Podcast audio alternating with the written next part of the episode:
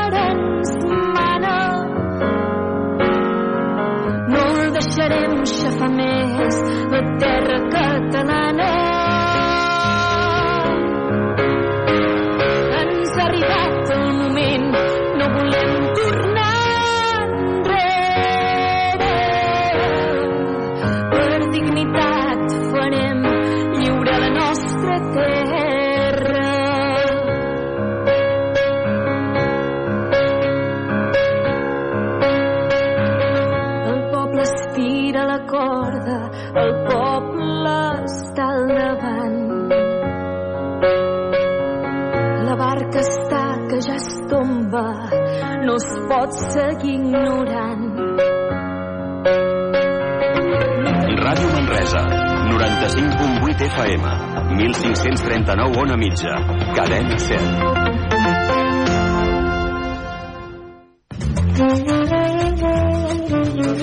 Barra Lliure, amb Pilar Gonyi.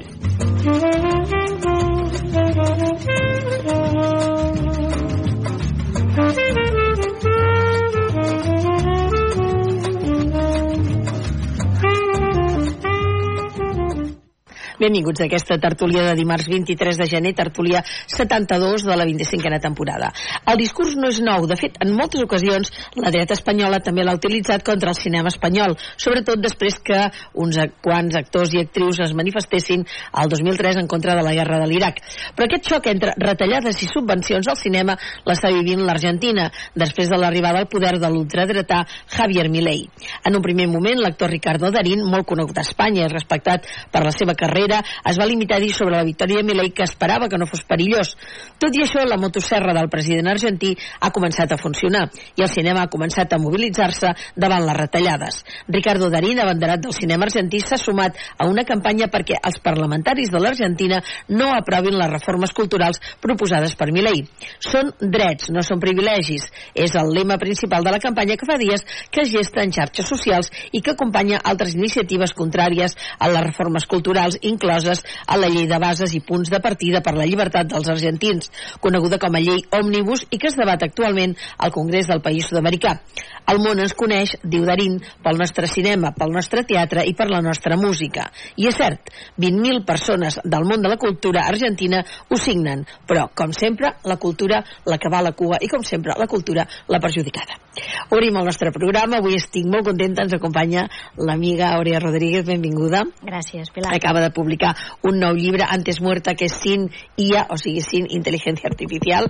I volem que ens ho expliqui i comentar-ho aquí. Saludem el Sergi Perramon. Benvingut. Moltes el Maria gràcies. Badia i el David Sant Clements. Gràcies per ser aquí. I, en primer lloc, deixeu-me dir que encara coeix el tema de la cavalcada de Reis i en Sergi Perramon, a part dels comentaris que va fer en el ple municipal, ja més amb un toc seriós, em va fer molta gràcia quan vas dir que el patxa reial eh, semblava sortit de Disney. Evidentment estem en un horari que ens veuen molts nens i nenes i la pregunta que ens fem reiteradament, el David ja ho va escoltar que ho deia la setmana passada, és quin mal hem fet els manresans, que malament que ens vam portar el 2023, que vam tenir la cavalcada, que vam tenir ara a l'inici d'any. No sé si el Sergi pensa el mateix penso exactament el mateix. Jo em vaig quedar estupefacte de, de com es va... L'Ajuntament té una implicació directa en l'organització perquè arribin els Reis Mags i clar, els Reis Mags es mereixen que els rebem com sempre, amb tota la tradi tradicionalitat, si voleu dir-ho, que, que, i solemnitat que sempre ha caracteritzat aquesta festa. Estem molt acostumats a darrerament que es volen fer invents amb les nostres tradicions i el que ha de fer l'administració ha de ser, en comptes de reinventar nous conceptes, preservar la, els nostres costums i sobretot costums que encara segueixen tan arrelats i que els nens eh, vinculen a unes imatges dels reis d'Orient que existeixen i que els hem de rebre com a tal. Nosaltres ens va donar la sensació que es va voler eh, dins d'aquesta cultura del bonisme que s'ha implicat a la política doncs vestir-ho d'un altre tarannà que no tenia res a veure. Per això vaig dir que era més eh, la, la posada en escena era més pròpia de la cavalcada de Disneyland París que no pas la tradicional de, de Reis Mags i nosaltres creiem que la, que l'administració ha de preservar les nostres cultures i no fer invents i eslògans estranys. Tot i que jo sóc fan de Disney i ho sí, fan sí. super mega espectacular sempre, eh? Sí, sí. sí. Vosaltres veu dir exactament que eh, no us agrada que es vulguin dissoldre les tradicions i tampoc adaptar les tradicions als nouvinguts. Clar, nosaltres creiem que mm, les cultures que són més fàcilment adaptables són aquelles que es mantenen fermes, que són eh, que l'administració i la gent d'allà les vol preservar i les fa més seductores perquè la gent que vingui de fora s'hi vulguin adaptar. Si tu vols vendre una cosa, vols vendre les teves tradicions, el que no pots fer és dissoldre com un terròs de sucre, sinó definir-la tal com és. Qualsevol d'aquí que estem a la taula, si viatgem a un altre país, volem veure coses diferents, i si viatgem i ens volem instaurar, doncs sense perdre la nostra essència, el nostre origen, volem que, carai, que la cultura comunitària d'allà segueixi preservant-se i nosaltres fer-ne partíceps. Si tu al final acabes fent una amalgama de coses estranyes, doncs al final fas l'efecte contrari. Vull dir, mercantalitzes una tradició i no es tracta d'això. Uh -huh. Josep Maria, vas veure la... No, no, no, no la vaig veure. Uh, en primer lloc em sap greu perquè sempre passava per davant de casa i, i aquest any no, aquest any no passa. I, i, i per d'altres motius no la vaig veure. Però uh, estic d'acord amb, el que, amb el que ha dit. Jo, jo soc, o sigui, crec que les tradicions es tenen de preservar.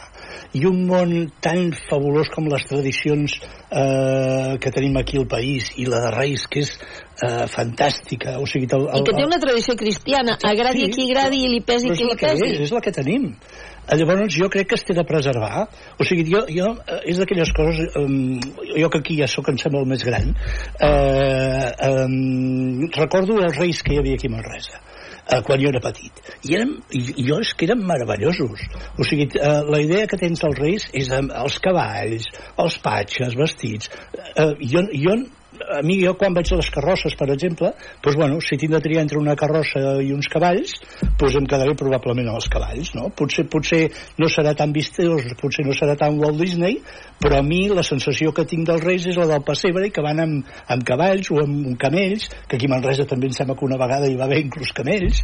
Eh, per tant, aquest, aquestes jo crec que són les tradicions que tenim de preservar i que tenim de cuidar i que tenim de mimar i, i que fa molts anys que Manresa ho està dient, això, eh? O sigui, ja no, ja no és última, aquest últim any que sembla que la cosa encara ha anat a pitjor per lo que, pels comentaris que he anat seguint però és que ja ve de molts anys jo, jo per exemple amb, amb, amb, els, amb, amb les Nadales tan maques que hi ha mira, el de la batucada ho trobo fantàstic, però potser en un altre lloc, no? Uh -huh. uh, i, i, que, I que tinc tot el meu respecte, bueno, tot el respecte per la gent que, que fa la batucada, però, però mm, crec que no sé, que tenim de preservar el que és de la cultura d'aquí i, i aquesta, aquest té de ser l'objectiu de l'Ajuntament, crec.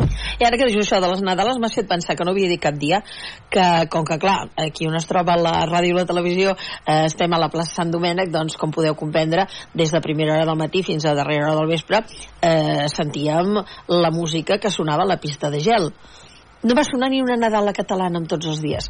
Que a veure, que a mi m'encanten les Nadales angleses, m'agraden les castellanes, però ni una sola Nadala catalana en tots els dies. Mm. És com sorprenent, Sí, sí, no? sí. Dius, bueno, potser no tenien mm, un altre dia que ens ho demanin i els hi farem servir el, el, els hi donem un pendrive amb Nadales catalanes, però alguna com a mínim posar-la. Ni que fos el fum fum fum, que se'l van posant al passapalabra. Imagina't, el passapalabra eh, posant una, una peça del fum fum fum. Home, per favor, només aquesta, Sí, sí, sí. si més no. O el noi de la mare, Sí, però, no? Dic jo. David, ja m'he parlat l'altre dia, eh? Sí, sí, sí, sí, jo la veritat és que no, no hi vaig anar, ja tinc els nanos més grans i ara ja, ja fa un any que no, que no hi vaig participar i per tant no, no, no, no puc parlar-ne de, de com, com era, he sentit els comentaris, no? Però sí, en general em sap greu, eh, diguem-ne, que sigui una mostra més, diguem-ne, de- d'aquesta pèrdua d'autoestima de, la, de la ciutat, no?, que tenim tants elements. Ara parlàveu de la plaça aquesta, de la plaça Catalunya, de, la, de, la, de les gàbies, Ara no? Parlaré, sí. que hem estat anys i panys i panys intentant refer una cosa, diguem, és una mala decisió i una mala aposta municipal, de tots plegats, eh? Uh -huh. de de- de- de- d'aquella configuració de la plaça i que no i, i, i la solució que hem esperat durant de tant, tant temps a part de, a part de que han encarit eh, tot plegat la, la, eh, el, el, el projecte i, i, i la seva transformació tampoc acabarà sent tant de bo m'equivoqui no?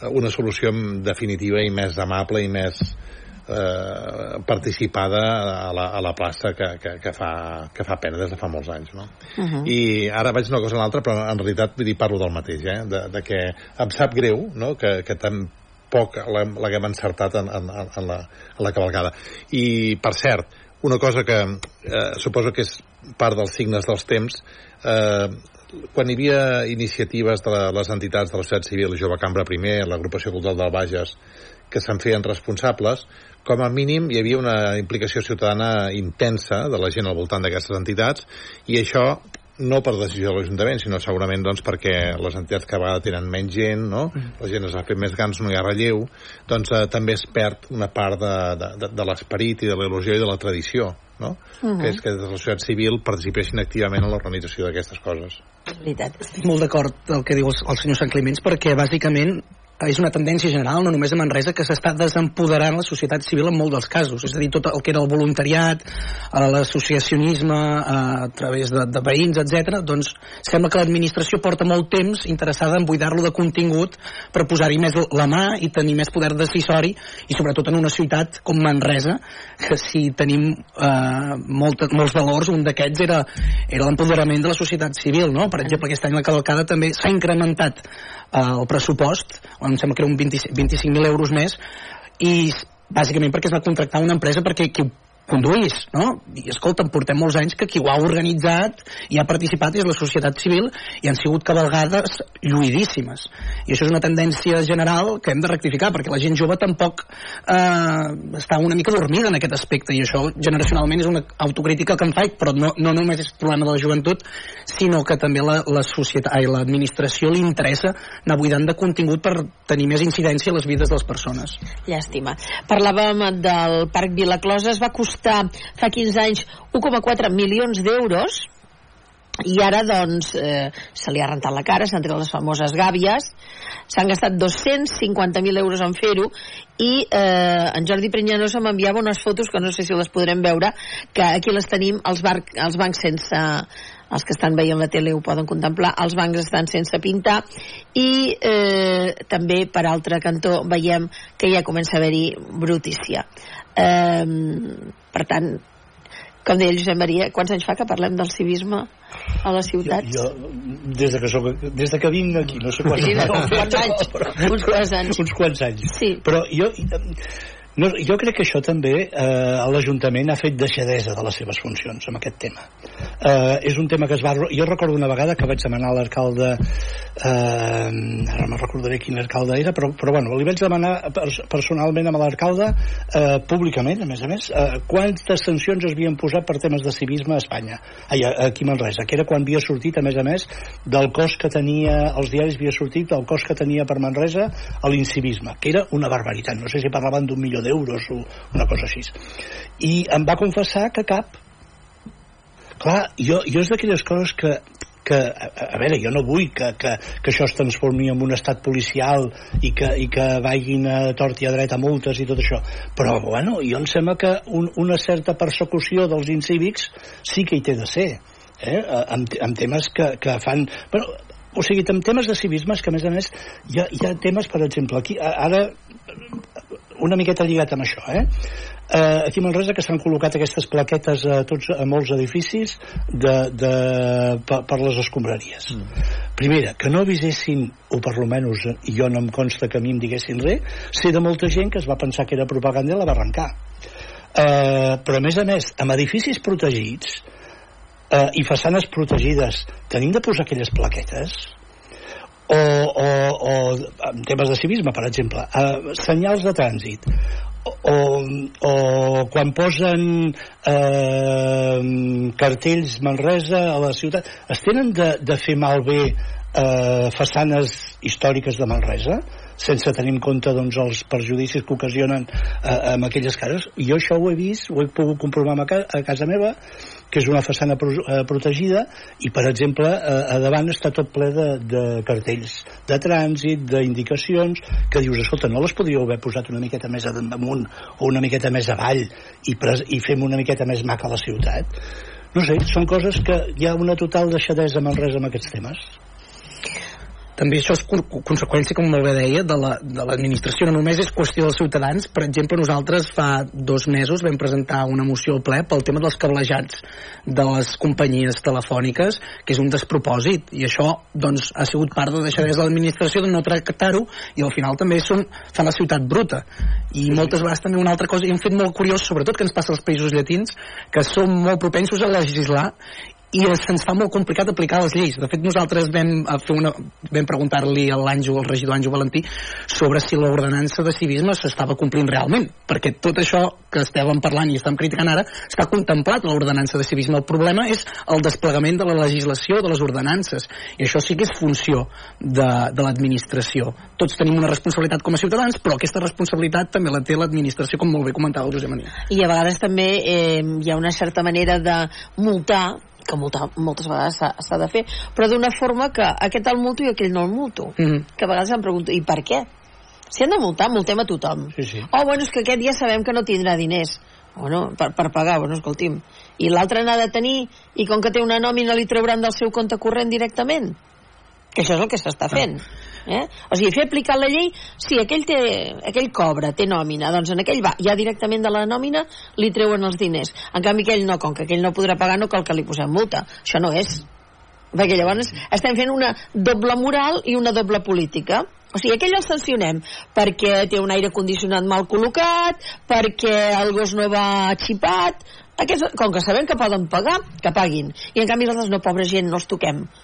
Vale? Això tampoc no, no és massa lògic. No, no. I es fa, eh? Sí. S'està fent i ho puc demostrar, a més a més. Sí, sí. I el que digui el contrari, menteix. Puc demostrar-ho. I a més a més, una altra cosa, l'administració tindria de, de, de promoure el que hi haguessin mitjans eh, tècnics legals perquè aquestes multes es poguessin fer efectives. Mm. O sigui, jo, jo recordo, en, en, fa uns anys a Andorra, era el campi que pugui.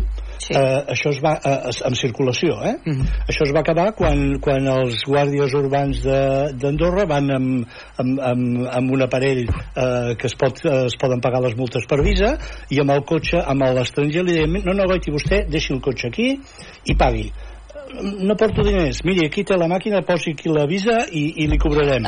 Uh, i, i, i es va solucionar el problema. No, i, I hi ha una altra manera, aquestes persones que no tenen diners serveis per pagar, serveis de la comunitat, sí, sí, efectivament, sí, ja sí, està. Sí, sí, sí, però, però no fem aquesta doble moral sí, sí. ai, és que pobre no pot no pot, doncs escolta'm, té dues mans doncs que serveis a la comunitat jo crec que seria l'única manera anem a parlar amb l'Àurea això no sé si té a veure amb intel·ligència artificial o no però m'he quedat parada perquè el llibre té el pròleg d'Antoni Garrell que és una persona doncs, que més ha estat aquí en aquest programa. Més jo tinc una anècdota molt bona amb l'Antoni Garrell, enginyer, eh, està participant de, de moltes entitats, de moltes empreses.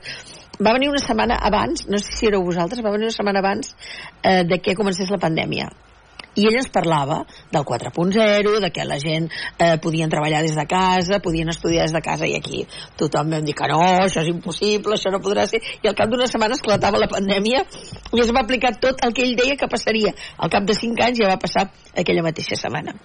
Bé, doncs, començo per aquí perquè m'ha fet molta gràcia Gràcia, m'ha sorprès i m'ha espantat potser una mica que un 63% de la població utilitza internet i 4.650 milions de persones utilitzen xarxes socials. Al món són 8 milions i, i escaig, perquè quan entres i busques quanta gent som al món, va pujant a cada moment, a cada, a cada mil·lèsima de segon, a cada nanosegon. Són més. Són més. Però clar, és molt 4.650 milions de persones a les xarxes socials, eh? Sí. Això és per investigar-ho. Bueno, ara, ara ho comentàvem amb ells, que dèiem que ara hi ha un 75% de la població mundial, o sigui, ara ja, des de que vam escriure el llibre fins ara, ja s'ha incrementat, vol dir que hi ha uns 5 bilions de persones que ja tenen accés a internet, etc etc. Però és que probablement abans del 2030 serà pràcticament el 100% de la població mundial i serem 9.000 milions. I en canvi hi ha un 25% de la població mundial que no té accés a l'aigua potable. És a dir, en 20 anys més o menys en 20 anys aconseguirem que tothom tingui accés a internet però és que amb el que portem d'història i mira que, que hi ha avenços i manera, no, no estem aconseguint que la gent tingui accés a l'aigua potable o sigui, abans tindrem un smartphone que tindrem aigua que fort jo m'he quedat garrativada amb això, eh? Dic, però, però com pot ser? Que llavors ja... La, Més senzill proveir de, Sí, sí. de, de, Seria més que senzill, d'aigua eh? potable, clar. vols dir? No és tan negoci. Exacte. Exacte. Requereix infraestructura, etc. L'aigua, l'altra, Sí, sí. l'antena i ja, ja està.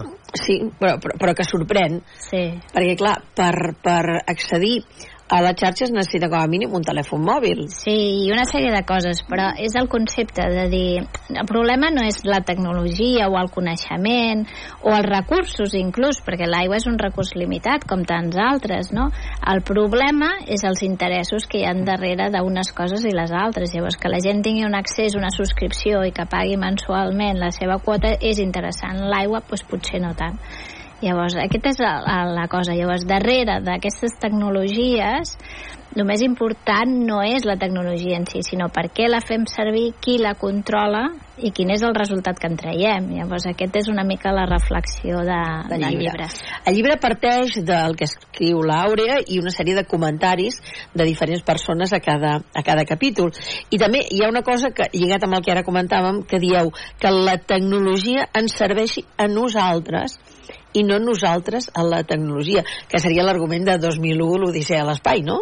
Sí, però és una mica això. Uh, actualment, l'altre dia explicava uh, una mica el fet d'aquestes intel·ligències artificials generatives que s'alimenten de lo que nosaltres li anem donant, no? O sigui, tots aquests chatbots al final s'estan retroalimentant amb el que nosaltres els anem alimentant, que per això tenen biaixos i tenen altres coses. O sigui, portem 20 anys que tothom quan entrava a Google li deia eh, és usted un robot? No. no, saps? Portem una sèrie d'anys entrenant això. O sigui, hem educat aquesta intel·ligència artificial, hem sigut nosaltres que estem educat. Internet està educant contínuament aquestes intel·ligències artificials. Nosaltres, amb els nostres comentaris de les xarxes, tot això estem educant. Jo dic, ja m'agradaria a mi que em fessin aquest màster contínuament, no? I aquesta és la, el, el concepte, no? Eh, una mica s'està donant la, la, la, la inversió de, de, la, de la situació actual. Llavors, en aquest sentit, el que explico és, és això, de dir què estem fent, per què ho estem fent i qui ho està controlant. I aquest és una mica la reflexió. Llavors, això no és nou, perquè en el món industrial ja fa molts anys, la intel·ligència artificial és de l'any 65, o sigui, tampoc és res nou, és més, més àvia que nosaltres, però sí que ara estem en un moment d'acceleració. I aquest és el problema. El problema o la solució, perquè pot servir per moltes coses bones. Jo sempre ho dic, dic, si eh, actualment hi ha la tecnologia de reconeixement de, per reconèixer els càncers de mama i tot això és la mateixa que de reconeixement facial. I per reconèixer el càncer de mama tots ens pot semblar una aplicació boníssima i ens pot semblar estupendo però també la fan servir a l'Iran per reconèixer les dones que van sense vel Llavors, en aquest cas, a mi no em sembla bé. Per tant, el problema no és la tecnologia, sinó la seva aplicació. És a dir, qui hi ha darrere la tecnologia i per què decideix que s'apliqui d'una manera o d'una altra. Seria el tema de la bomba atòmica, no?, que va començar Exacte. amb uns vents i un, un bon ús i va acabar com va acabar. Exacte. Doncs pues ara estem en aquest punt amb la intel·ligència artificial. Um, Explica'ns una miqueta una cosa que també m'agrada molt, que diu les dones no ploren, les dones facturen amb intel·ligència també artificial. Què vol dir això? pues que ens hi hem de posar que ens hi hem de posar en Les aquest dones. món sí, la, bueno, tothom Ah. però en aquest cas eh, com que em toca una mica la fibra diguéssim hi ha tres motius pels quals dic això el primer és perquè aquest món de la intel·ligència artificial primer com a tecnologia i com a indústria en si mateix és dos, un dels que més creixerà i que està creixent però és que a més s'aplica a tots els altres sectors, amb la qual és, és una tecnologia que d'alguna manera estar-hi o conèixer-la serà necessari arreu. Això, primera. Segona, la representació femenina és ínfima. En les startups que són de tecnologia, en les empreses, la representació de les dones en aquest tipus de tecnologies és molt petita, per no dir ínfima. Si mirem les, les empreses i startups amb intel·ligència artificial, només un 10% només un 10% o menys estan liderades per dones i només els hi arriba un 3% de la inversió. És a dir, que en aquest món que ve, que està, que creixerà i que dominarà la resta, seguim sent pobres. Primera. La segona raó és el que no es veu, perquè això sí que es veu, les fotos i les estadístiques aquestes, si som o no som, eh, es veu, però el que no es veu és el que a mi m'espanta més, i és que tots aquests algoritmes s'alimenten de la informació, d'imatges, dades, etc. Fan scrapping d'internet, no? Les intel·ligències artificials generatives fan scrapping d'internet. S'ha alimentat durant anys de lo que ja era visible. Les dones no eren visibles. Si no hi ha dades teves i s'aprenen decisions en base a uns algoritmes d'aquestes dades, quines decisions es prendran sobre tu? Aquesta és la segona raó. I la tercera és el, la informació, no? La informació s'ha pues, d'auditar. O sigui, s'ha de veure d'on surten les dades. Que ara el xat GPT diu, bueno, pues no sabem d'on han sortit, d'internet, el, el New York Times que està demandant-los per, pel copyright, per drets d'autor, i dir, bueno, aquesta és la segona raó. I la tercera, que és tan important com les altres, és qui està programant aquests algoritmes i en base a què? Perquè si prenen algoritmes en base a si em donaran un préstec o no, si, si podré estudiar una carrera o no, si em multaran o no, si, si la bomba atòmica em caurà a mi o si el cotxe autònom decidirà que jo sóc menys important que l'arbre del costat. Per exemple, tot això són algoritmes, doncs aquests algoritmes el mateix han de veure, eh, s'han d'auditar i és això. I la quarta, que és més important, és que totes aquestes tecnologies estan en mans d'unes companyies que totes són propietat d'homes. Uh -huh. Que no tinc res en contra, però al final, si no estàs a les dades, si no estàs en els algoritmes, si les noves empreses no estan d'això i està tot controlat per un món que continua a ser más de lo mismo, tenemos un problema. Uh -huh. Per això dic que les dones facturen amb intel·ligència artificial. Eh, ara estava pensant, hi ha hagut aquesta gran vaga a, a Hollywood amb els guionistes, que tenen por que els guions els fagin amb intel·ligència artificial. I ja hi ha gent eh, que ho està fent, que entra unes dades i surten uns guions, estranys o no estranys, però surten guions. Tu creus que algun dia els advocats també us faran el que heu de dir en el ple? Sí, sí, sí. O sigui, bueno, jo, jo és que eh, fa qüestió d'un mes ja ens van fer una demostració d'una d'aquestes companyies de, de, de jurisprudència i tot això, de, de fer una demanda amb, amb sistemes eh, d'intel·ligència artificial i segur que això arribarà a la demanda arribarà a la sentència i arribarà al, recurs d'apel·lació i a la sentència del Suprem el que a mi em sembla una, un verdader disbarat eh? ho sigui, sincerament eh, a més a més és que ara que parlaves això jo una cosa que no havia pensat mai i i que té que veure amb això eh? clar, si, si la intel·ligència artificial es nodreix de, de, de, que, de, de, de les notícies en generals que hi ha al món si hi ha una tendència a, a dretanitzar la societat la intel·ligència artificial també eh, farà això. O sigui que tu estaràs imbuït amb, amb, amb, una, amb, unes, amb, amb unes ideologies que ni tan sols ha creat eh, o, a l'home, no? per dir-ho així, que haurà, que, que haurà desenvolupat la, la intel·ligència artificial. Jo ho veig perillosíssim, tot això, no? I llavors em pregunto una altra cosa, també.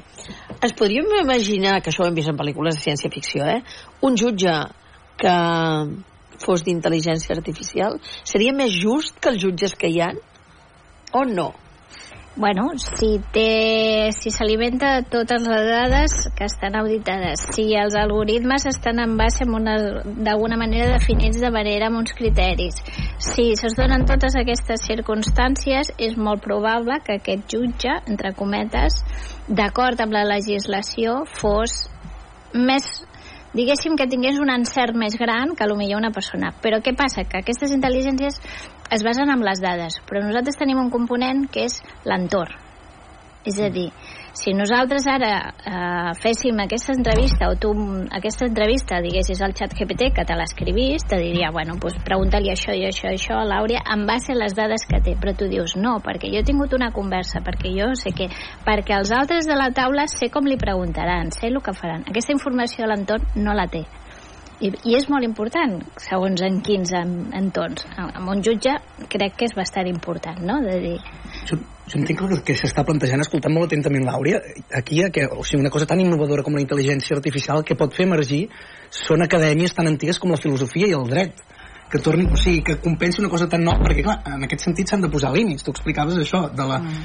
eh, ínfima representació que tenen les dones al llarg de la història. I clar, eh, com deies el, el, la intel·ligència artificial és com un riu. És un rebost d'informació que va eh, avançant segons també avancen els temps. Clar, i aquí serà molt interessant com ho tracta el dret perquè em sembla que, la, em sembla que hi ha una directiva europea que em sembla que es diu IACT em sembla que és l'única que ho tracta però es tracta encara molt de puntetes. I aquí els filòsofs aquella, aquella assignatura que tothom vol apartar de l'acadèmia, la, doncs escolta'm, doncs també pot emergir perquè planteja dilemes ètics i morals en molts casos. S'han de posar límits en molts, moltes circumstàncies. Sí. L'IAC és el bueno, el que serà la normativa europea mm. d'intel·ligència artificial quan s'aprovi. De moment és el marc de treball que tenen i que s'ha aprovat i que, i que s'ha de ratificar i que teòricament serà la normativa que tindrem vigent. Volies afegir? Mira, sí, sí, una cosa i segur que no sé què, què n'opinaràs tu també, eh? eh amb, amb, el, amb la qüestió judicial, la pràctica eh, judicial, una de les coses que més es valoren és la proximitat. El jutge té de valorar el testimoni, té de valorar eh, veure'l personalment, eh, veure quins moviments fa, com, com es desenvolupa, eh, o sigui, tot, tot, una, tot una sèrie de coses metajurídiques que es poden analitzar. Probablement, amb la intel·ligència artificial també es deu poder analitzar això. Però a mi, sincerament, eh, confio més en una persona eh, que amb el que pugui pensar, pensar un, un, un, un robot, no? Eh, o, no sé, o, o una no sé, combinació no sé arribarem, però... o una combinació mm. que el més probable és que sigui una combinació serà una ajuda, és una ajuda mm. actualment ja és una ajuda, jo treballo ara en el món de les indústries culturals i creatives i em diuen què és la intel·ligència artificial dic que és el nou pinzell d'aquest segle mm. el nou? pinzell mm. dir, hem passat del pinzell al ratolí del ratolí a la intel·ligència artificial mm -hmm. o sigui, hem canviat no hem canviat, perquè hem complementat, perquè coexisteixen aquest tipus de, de formes d'art, no? Hi ha la, la pintura, hi ha qui dibuixa amb el ratolí ja fa molts anys, no amb un pinzell, amb un ratolí i ara eh, ho haurem de fer amb ordres eh, amb text o amb veu o amb el que sigui. S'està fent amb música ja també. Sí, eh? amb la música sintètica, mm. però també vam passar de l'acústica a l'electrònica, l'electrònica a la sintètica, o sigui, això és una mica una evolució que no descarta la primera, perquè tots continuem anant a concert, ens agrada per l'emoció, per el que sigui, però sí que és una nova forma de fer i així ho hem d'entendre i hem d'entendre també que és una ajuda i que és, eh, bueno, Microsoft el producte, el nom, la va encertar bastant perquè li va dir copilot que és un copilot, no? que et pot ajudar a certes coses aquí el tema és, és això, no? De si fem les coses bé i les utilitzem a fi de bé, doncs tot va bé, però com que abans ho heu parlat de l'incivisme, no? Pues l'incivisme, si ho traspassem a la tecnologia, doncs passa el que passa, que, que d'això.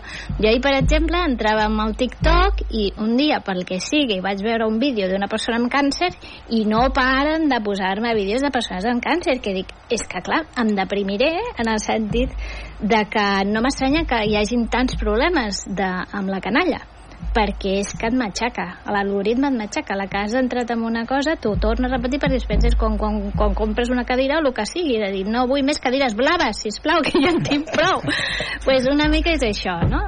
llavors, eh, la informació de context, de dir, jo ja tinc una cadira blava, no cal que m'ho tornis a repetir, no? Aquesta és la informació que no tenen. Llavors, com a ajuda, sí. Amb filtres, sí. Amb unes condicions, sí. A lo que dèiem amb la frase, que la tecnologia ens serveix a nosaltres i no nosaltres a la tecnologia.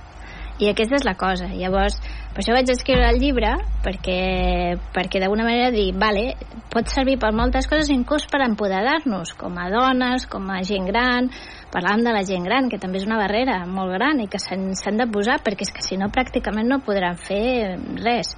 No cal que sigui tothom catedràtic d'intel·ligència artificial, que no cal, però sí saber per què et serveix, com ho pots utilitzar, i sobretot entendre com funcionen, perquè la gent, si ens expliquen les coses amb un llenguatge planer, el 99% de la població ho entén perfectament, no? I això que si ens basem, i, ara li vull demanar també una cosa al David, si ens basem en la primera intel·ligència artificial més vasta, si tu vols, a nivell de jocs, quan va sortir el joc de FIFA, la canalla s'ho passava en bomba, perquè ells podien triar l'equip de futbol que ells volien amb els jugadors que els hi donava la gana. O sigui, era el lliure albir totalment.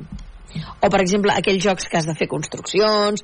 Clar, vull dir, tu pots fer el que, el que vols i després quan es va complicant no sé si ja pots fer tant el que vols o no. Però dic en un principi feia gràcia. I jo t'he de reconèixer que la primera, segona, tercera, quarta vegada que a internet em sortien coses que a mi m'agradaven pensava, oi mira, m'estan posant coses que a mi m'agraden. Després arriba un moment que estàs de la cadira blava fins al capdamunt.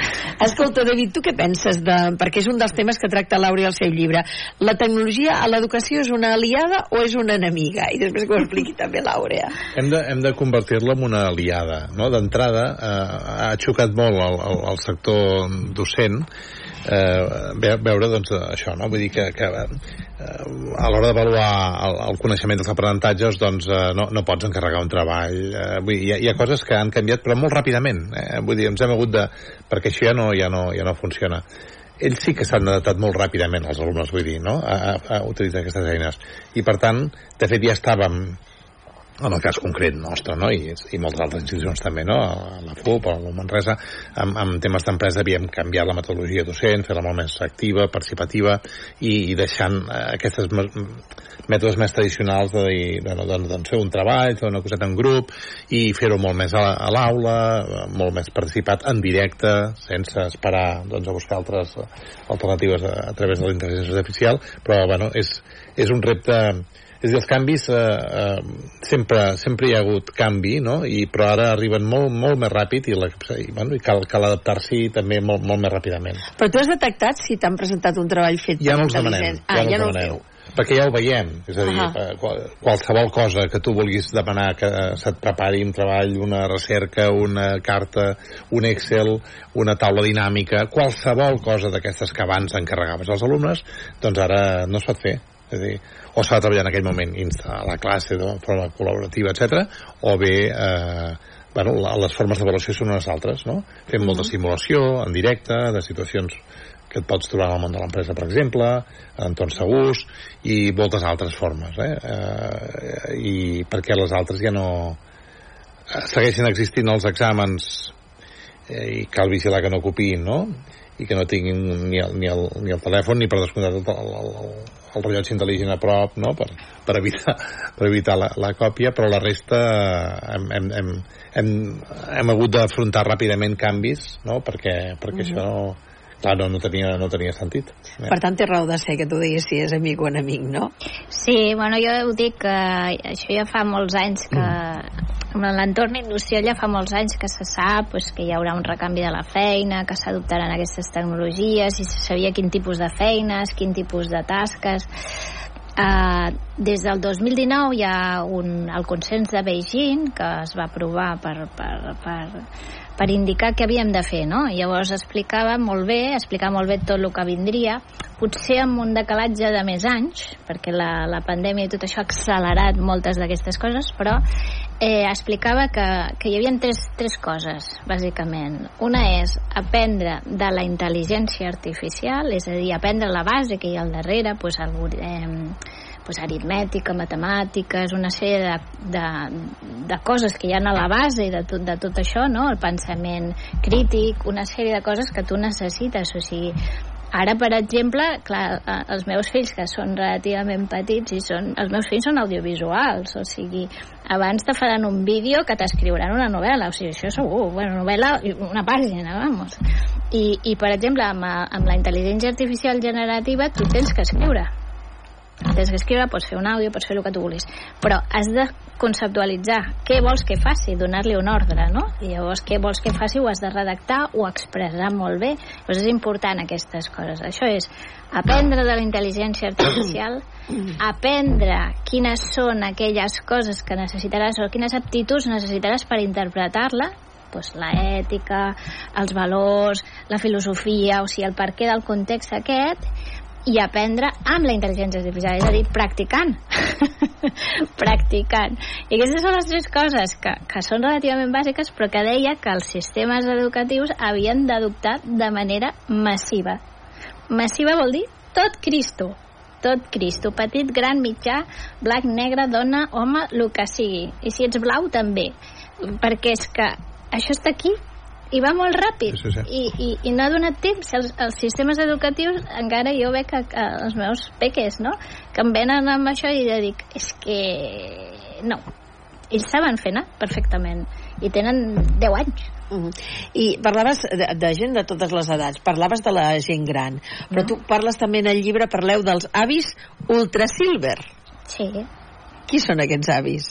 Bueno, és que avui en dia, bueno, aquí a Catalunya, que tenim una taxa de, de centenaris de les més grans, de les més altes del món, que tenim gent supercentenària, o sigui, de més de 100 anys, i, i més de, i tenim la persona més gran del món viu aquí, que és la senyora que és una senyora que viu a Olot, em sembla, sí, que té 114 anys i mig, perquè amb els meus fills ho anem mirant, i dic és que arribarà a 120, vull dir, no ho sabem, no? Eh, tenim aquesta taxa, llavors, el que abans eh, era l'edat de jubilació, perquè la gent teòricament era gran, ara, mm, amb 65 anys, és que estàs quasi a la tercera joventut, com aquell que diu, no? De fet, comencen a dir que les persones són sènior a partir dels 70-75 anys.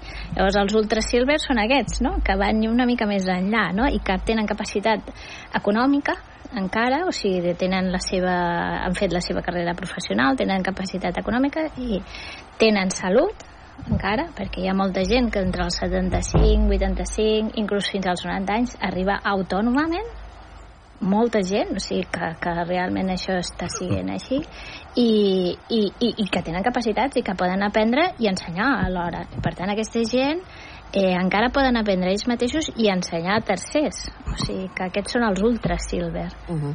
I que, a més a més, que tenen, evidentment, eh, aparells robòtics a casa. Des de la, la rumba que, que escombra fins a moltes d'altres coses. I que, a més a més, el, el telèfon mòbil i el WhatsApp i tot això, i internet, i compres per internet... Perquè és que, si no, és que arribarà un moment que... O sigui, tu per posar una denúncia a Mossos d'Esquadra has de demanar hora per internet. Si vols demanar hora al metge, mm, millor fes-ho per, per internet. I estaràs parlant Eh, amb un robot. Clar, clar, els bancs, tot això, doncs s'han de posar. Llavors jo em pregunto, la gent que van a viure en una residència de gent gran, eh, creus que les residències estan ben preparades per rebre aquesta, aquesta generació de gent que comencen ja a estar molt preparats? És que crec que les residències de la gent gran també han de canviar, perquè una cosa és que tu necessitis uns, unes cures o un, uns cuidados 24 hores al dia per, pel que sigui de la teva malaltia, però hi ha molta gent que està bé i que a vegades hi ha altres fórmules que, que es donen aquí en altres països de convivència perquè millor l'únic que falta és la companyia, no? De dir, jo vull viure d'una altra manera i hi ha sistemes en els quals la gent s'associa per viure com en una espècie de comunitat, no? Una comunitat en la qual tu pots accedir a una sèrie de serveis, hi ha una infermera per si algun dia et trobes malament, hi ha un no sé què, te fan te fan el dinar, bueno, una sèrie de comoditats per poder viure en comunitat, però tu no estàs malament, el, eh, ets independent, vols tenir casa teva o el teu espai, vols tenir una sèrie de coses, vols ser actiu, vols continuar aprenent, mentre continu... jo sempre... Eh, hi ha un amic que diu, mentre continuïs aprenent estaràs viu. Mm. Quan el dia que deixis d'aprendre, No, digues. una cosa, eh? Jo respecte ara aquest món que ens imaginem i que a mi realment em sobta i em sorprèn i tot això, eh, realment hi ha una, una contradicció amb, amb, amb aquesta evolució tan que ens has explicat amb l'educació tan eh, sobtada i bèstia, deixem-ho dir així, que hi està ben, i en canvi els gurus de Silicon Valley que prohibeixen als seus fills eh, qualsevol tipus de pantalla eh, fins als 16 anys. O sigui, eh, mm, és una contradicció brutal, no? O sigui, o sigui qui, Bueno, té, qui té raó? Per on tenim d'anar? Per on tenim d'anar?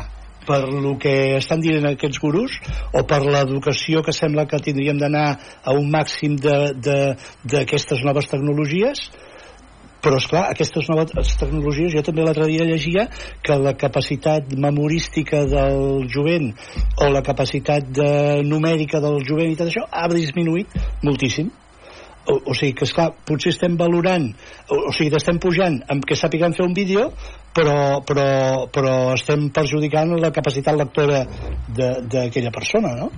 d'aquell nen O per això ja va començar, quan es van començar a posar les calculadores, eh? Sí, sí. Perquè abans havies de sumar, restar, multiplicar i dividir i arrels quadrades i el que faci falta sense calculadora. A la que entra la calculadora els nens comencen a, a tot això no saber-ho. O, per exemple, recordeu quan no teníem telèfons mòbils? Teníem al cap molts, Molts telèfons, telèfons, molts que ens telèfons. els sabíem de memòria. Ara perds el telèfon mòbil i si estàs de sort te'n recordes d'un telèfon i que et contesti aquella persona. Perquè si no, Sí. no, no, no tenim la llibreteta que portàvem amb els telèfons que... No, això ja no ho fem. Però és com el de rentar a mà. Exacte, també. Sí, sí, sí. Mm, o sigui, això forma part de Benvinguda l'evolució. rentadora, per això, eh? Benvinguda rentadora. Ah, Per sí. tant, és, forma part de l'evolució, que això no hem de tenir por sense perdre la base i aquest esperit crític de saber el perquè de les coses, d'aprendre les, les nocions bàsiques per poder algun dia de dir, bueno, jo tinc criteri suficient com per discernir. Mm. De fet, recordeu que per la pandèmia eh, va passar una cosa molt curiosa o sigui, la pandèmia va tenir coses molt dolentes que és que va morir tantíssima gent. Però va tenir coses curioses. Per exemple, els metges jubilats als hospitals els havien d'explicar a les infermeres que hi havien com fer bullir xeringues perquè es van quedar sense xeringues. No podien posar indiccions perquè les habituals doncs, es van esgotar i no hi havia més subministrament. I els metges i infermeres jubilades que van anar a col·laborar els van dir no, no, si això tota la vida s'havia fet que es bullia no sé quant temps i allò ja servia. Clar, imagineu-vos el, el gir que es va haver de fer amb moltes coses eh, per la pandèmia, coses que vam anar endavant, com fent les videoconferències i coses que vam anar enrere recordant com es feien tots aquests temes, que, que té, té la seva cosa, eh? Una cosa molt diferent és tenir coneixements o ser intel·ligent i l'altre ser espavilat i això de ser espavilats es- ho anem perdent una miqueta per això, perquè tot és més còmode, etc. Exacte, sí, això és veritat, perquè... És l'aprenentatge. És l'aprenentatge. Exacte.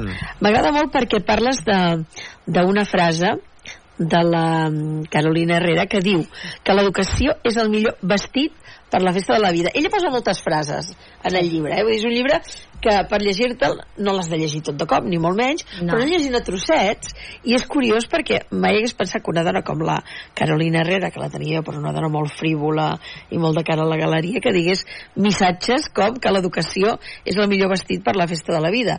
Per tant, va lligat amb el que també tu deies, de que no, potser sí que aquests de Silicon Valley creuen fermament que els seus fills han d'estar preparats i que als 16 anys ja es poden enfrontar al món. No? També podria ser. Tu deies cinisme. Jo crec que hi ha No una sé. component de cinisme, perquè és com lo del foro de Davos, de la setmana passada o l'anterior. De dir, tu el que no pots fer és anar-te'n allí i dir que estàs creant una cosa que no saps molt bé mm, ni de què s'alimenta, ni cap a on va, ni quin és el mal que pot fer a la humanitat, i alhora dir que, si plau la regulin. Dius, no, no. a mi no em serveix això. No em serveix perquè al final eh, tots hem de ser responsables dels nostres actes. Ho dèieu abans, des de petit mm, ser un civisme local fins a mundial. I aquests senyors, doncs a mi no em serveix que diguin això que diguin que venen d'una cosa OpenAI és una empresa que va, va néixer com una fundació per, per promoure la intel·ligència artificial com un bé comú i perquè s'entengués com a tal després va passar a una empresa privada després ara resulta que fa poc van treure dels seus, dels seus estatuts el fet que les seves eines no es poguessin fer servir ni en defensa ni, ni en usos eh, de defensa, per dir-ho d'alguna manera. O sigui, cada vegada va girant més cap a una vessant més comercial, que no passa res, és una empresa i poden fer el que vulguin, però després no diguin, si us plau, regulins perquè estem creant un, un arma. Mm, perdona? eh, no sé, jo per mi això no em serveix, per això... És que en geopolítica pot ser una arma molt poderosa. O sigui, la intel·ligència, mm, anava a dir la intel·ligència emocional també, la intel·ligència artificial al final acabarà sent un, un recurs més percentatge. No, no, ja ho és, ja ho és, perquè ara estan molt preocupats perquè aquest any que estem, el 2024, el 51% de la població mundial eh, votarà. Mm -hmm. O sigui, molts països, molt, moltes regions, vull dir, tenen eleccions convocades entre els Estats Units, vull dir, primeres potències del món. I què està passant? El que deia ell abans, que amb la intel·ligència artificial i amb aquests motors ens estan alimentant de notícies que són falses, ens estan alimentant d'unes certes tendències, ens estan alimentant. Llavors dius, què passarà? O sigui, per què estan... O sigui, jo dic, per primera vegada a la història, la intel·ligència artificial va reunir els principals líders del món en temps rècord. Si això ha passat per aquesta tecnologia, per què? Pues perquè estan preocupats per tot això que està passant.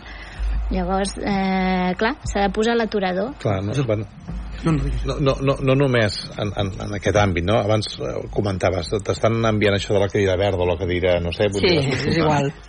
Una mica aquest és el problema, no? Amb, amb, amb tenint un, un, un, una sèrie de, de, de tantes dades de, que pots recórrer, no? Sabeu, no? Amazon i d'altres, no? Però principalment Amazon, que és el, eh, sap eh, predir el que voldràs, no? Sí. És a dir, si, si tu tens eh, un univers de 4.000 milions de clients en un moment determinat que saben que tu has comprat aquest llibre eh, l'endemà potser compraràs una planxa i, i l'endemà passat i, i per tant, com que hi ha un patró que tu no, no el coneixes i per tant t'estan esperant a que facis la propera compra una compra que tu no saps que vols fer però ell sí no? Uh -huh.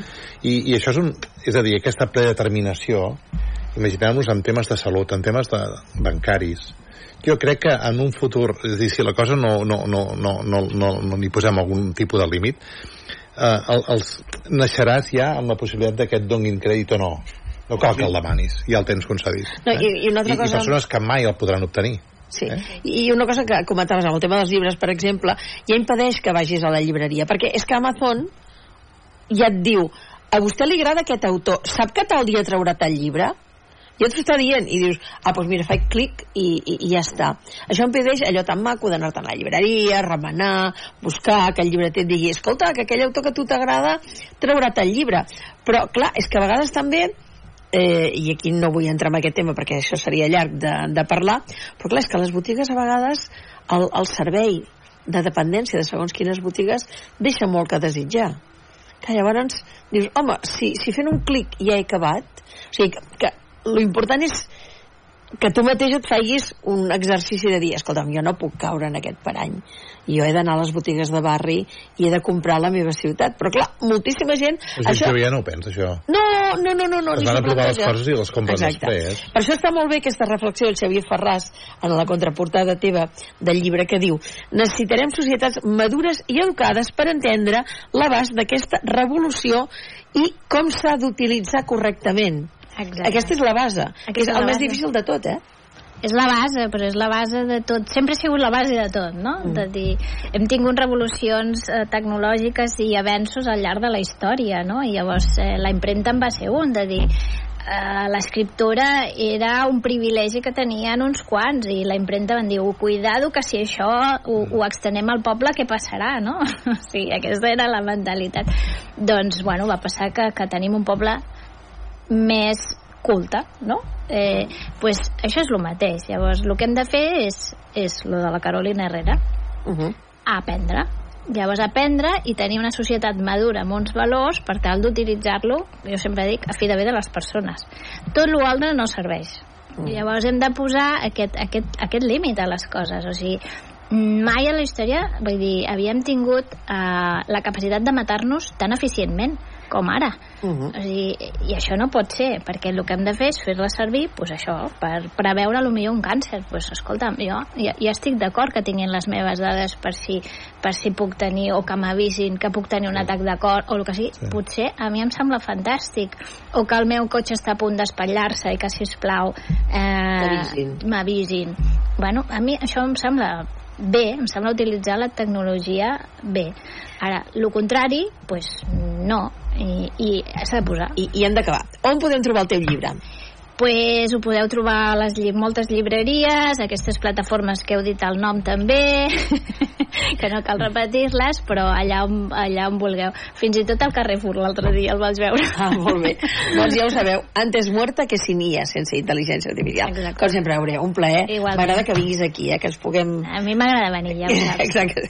Sergi, gràcies. Josep Maria, gràcies. David, gràcies. I a tots vosaltres, fins demà. Tornarem aquí, a les tertúlies. Adéu-siau.